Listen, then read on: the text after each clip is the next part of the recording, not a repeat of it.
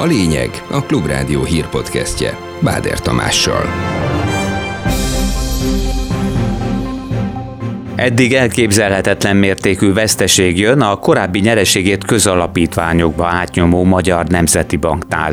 A szakértő szerint ezúttal a büdzsének kell majd állni a különbséget lesz költségvetési hatása, várhatóan egy 300-400 milliárd forintnyi forrást kell biztosítani a Magyar Nemzeti Bank számára. Maratoni tiltakozásra készülnek a pénteki rendkívüli parlamenti ülés ideje alatt a státusztörvény ellenzői. 17 órakor kezdődik a tiltakozó akció a Kossuth tér előtt, este 8-10 óráig is biztos, hogy fog tartani. Megszüntetni a kerékbilincset az MSP. Nincs szükség egy olyan intézményre, amely közutálatnak is örvend, amely megosztó, amely visszaélésekre ad okot, és amely idejét múlt. Marad a reggel és este kissé hűvös, napközben kellemesen meleg idő, itt-ott egy-egy záporral is.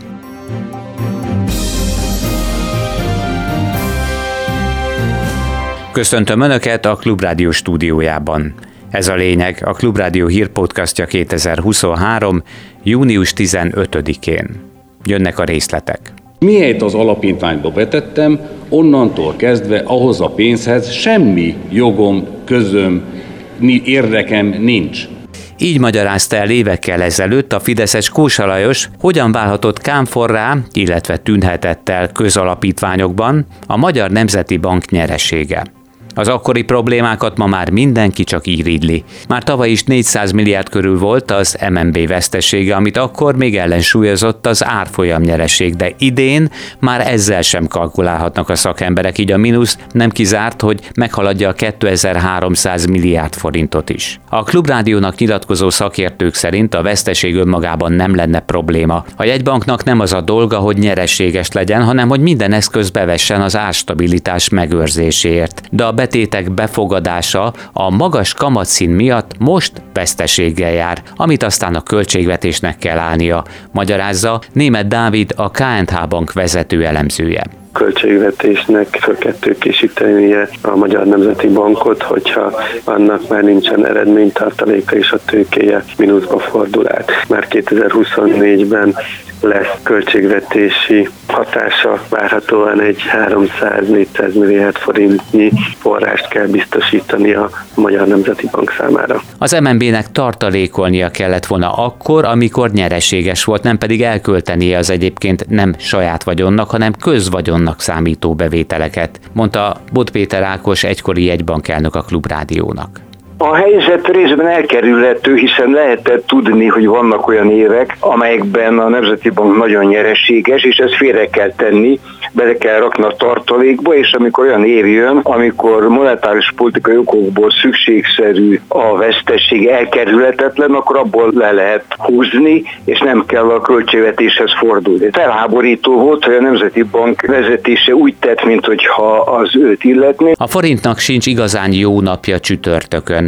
Már reggel gyengüléssel indított a főbb devizákkal szemben, de a déli kora délutáni órákra ez a lényeg podcast készültekor csak fokozódott, és Fél három körül már a 376-os szint környékén járt az árfolyam az euróval szemben, ami jóval egy százalék feletti gyengülésnek felel meg. A pénzemet én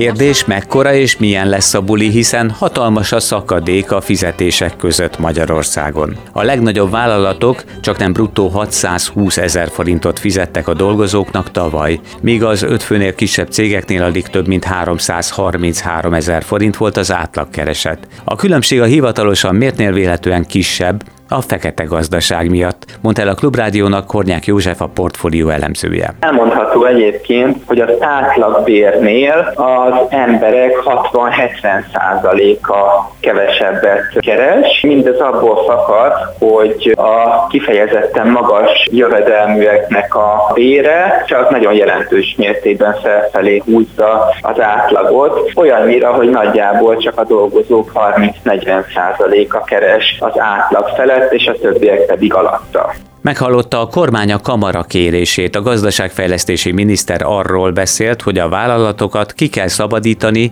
a fix áras áramszerződések csapdájából. A magas árakon megkötött szerződések a gazdasági növekedést csökkentik, az inflációt pedig magas szinten tartják, mondta a Nagy Márton hozzátéve, a kormány már dolgozik a részleteken, és ezügyben bejelentések jönnek majd.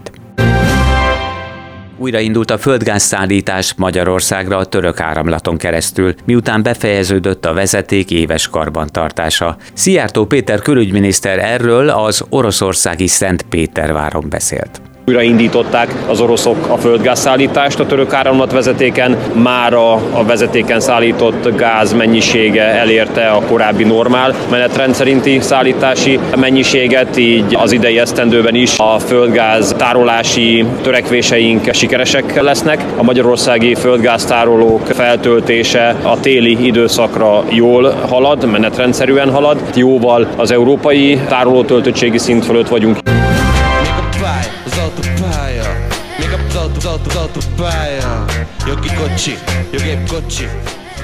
Jövőre már egy napos stráda matrica is lehet Magyarországon, egy uniós szabály szerint. A Totálkár arról ír, hogy Brüsszelben még a lehetséges maximális árakat is szabályozzák, így nagyjából azzal lehet kalkulálni, hogy 4500 forint körüli költsége lesz majd ennek az autópálya használati lehetőségnek.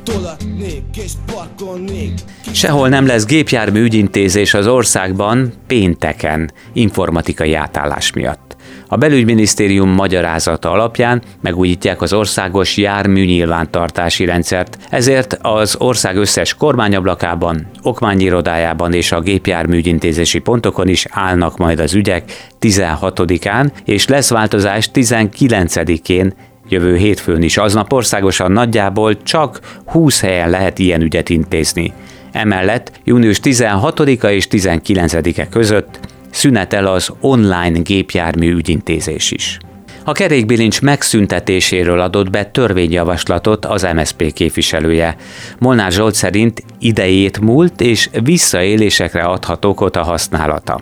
A digitalizáció és a jogrendszer fejlődésével jelen időszakra már idejét múlt a kerékbilincs alkalmazása, hiszen a parkolási díjak meg nem fizetése vagy a szabálytalanul parkolás esetén a szabálysértési bírság behajtása elkerülhetetlenné vált. Nem lehet kibújni a felelősség alól. A nagykörúton belül 40 km per órás, a Hungária körúton belül 50 km per órás megengedett sebesség, a 30 km per órás zónák kiterjesztése és még több sebességmérés. Egyebek mellett ezek is szerepelnek az új budapesti közlekedési stratégiában, aminek fokozatos bevezetéséről dönthet a fővárosi közgyűlés a hónap végén. Többeket kerestünk a témában, de úgymond labzártáig egy támogató hozzászólás sikerült begyűjtenünk. Ezt hallják Naszái Gábortól, az Egységes Közlekedési Szakszervezet elnökétől a lakosok mellett van a főváros, és élhetővé szeretné tenni ezt a várost, aminek az elmúlt évek alatt, főleg a rendszerváltás óta megnőtt a forgalma, és senki nem erre tervezte, sem mint építő, sem mint lakó ezt a várost. A sebességcsillapítással kapcsolatban messze menően egyetértek. Azzal meg, hogy az autóval közlekedők tiltakoznak kellene, nem értek egyet, hogy ettől lassúbbá válna a forgalom. Én azt gondolom, hogy dinamikusabbá válna, egyenletesebbé válna az autót is kimén, az embert is kimén, az autós embert is kevesebb stressznek ennek kitéve. Most újra csilingel a sárga villamos, a városba lüktet az élet most, szívünk a város szívével dobott. Továbbra is Budapesti a világ legforgalmasabb villamos hálózata. Erről Vitézi Dávid posztolt a Facebookján. A BKK volt vezetője a Nemzetközi Tömegközlekedési Szövetség statisztikáját is csatolta. Ezen látható, hogy a 2021-es évben a pandémia miatt még látható a visszaesés világszerte. De a magyar főváros vezetőhelye azért nem változott, ugyanakkor a szakember szerint ez veszélybe is kerülhet, mivel Bécsben, Varsóban és Prágában is számos vonal hosszabbítás épül. Itthon egyelőre ilyen tervek vannak, de a megvalósítást is szorgalmazná Vitézi Dávid. Maratoni tiltakozásra készülnek a pénteki rendkívüli parlamenti ülés ideje alatt a pedagógusok által csak bosszú törvényként emlegetett státusztörvény ellenzői. Tanárok, diákok, szakszervezetek, civil támogatók és ellenzéki pártok mind ott lesznek vélhetően a Kossuth téren. Előzetes Totyik Tamástól a pedagógusok szakszervezetének alelnökétől. 17 órakor kezdődik a tiltakozó akció a Kossuth tér előtt, egy hangos tiltakozó akció lesz. Este 8-10 óráig is biztos, hogy fog tartani, még az általános vita tart a parlamentben, addig fog a tiltakozó akciót tartani. A pedagógus pálya további rombolására megállt eh, szeretnénk eh, a kormány részéről, és eh, azokat a kollégákat szeretnénk kiemelten meghívni, illetve a pedagógusok szakszervezet azokat a kollégákat szeretnénk megszólítani, akik elhagyták a pályát. Jöjjenek egy olyan táblával, vagy olyan pólóval, hogy pálya elhagyó vagyok. Boris Johnson szándékosan félrevezette a brit parlamentet. Erre a következtetésre jutott az ügyben eljáró alsóházi bizottság.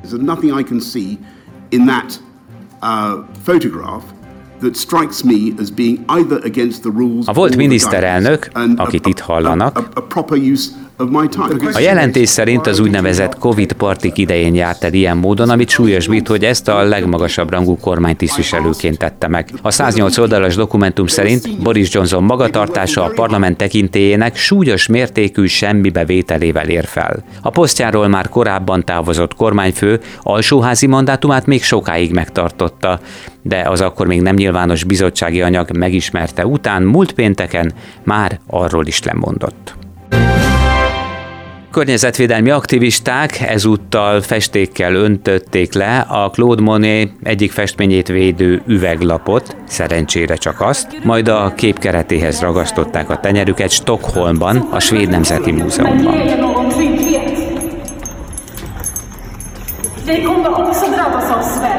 Itt hallják, hogy közben különböző rettenetes veszélyekre hívják fel vélhetően a figyelmet, de a biztonsági szolgálat inkább ebben a pillanatban bennük látta a rettenetes veszélyt. A két 25 és 30 év körüli nőt őrizetbe vették, közölte a svéd rendőrség, a restaurátorok pedig vizsgálják a képet, hogy megnézzék az esetleges károkat. Még mielőtt valami múzeumban valamit esetleg megpróbálnak tönkretenni, vagy majdnem tönkretenni, miközben fontos dolgokra hívják fel a figyelmet, én szerényen elmondom, hogy milyen időre számíthatunk pénteken. Sokat süt majd a nap. A keleti határ közelében estig előfordulhat kisebb eső, emellett késő délutántól a Dunatisza közén zápor, zivatar érkezhet, valamint a nyugat-Dunán túlra is besodródhatnak ilyen csapadékzónák, vagyis ott is eshet. A legmagasabb hőmérséklet többnyire 21 és 27 fok között alakul, ez mondhatni kellemes, ugyanakkor a legtovább felhős keleti határnál ez akár 20 fok alatt is maradhat. Ez volt a lényeg a Klubrádió hírpodcastja, munkatársaim, Petsz István, Selmeci János, Petes Vivien és Golkata nevében is köszönöm figyelmüket, Báder Tamást hallották. Legközelebb hasonló tartalommal a megszokott helyeken és megszokott időben, tehát pénteken délután, négy óra után jelentkezünk majd az ismert podcast felületeken. Keressék a lényeget, addig is hallgassák élőben a Klubrádió híreit is a klubrádió.hu-n. Ez volt a lényeg. A Klubrádió hírpodcastjét hallották.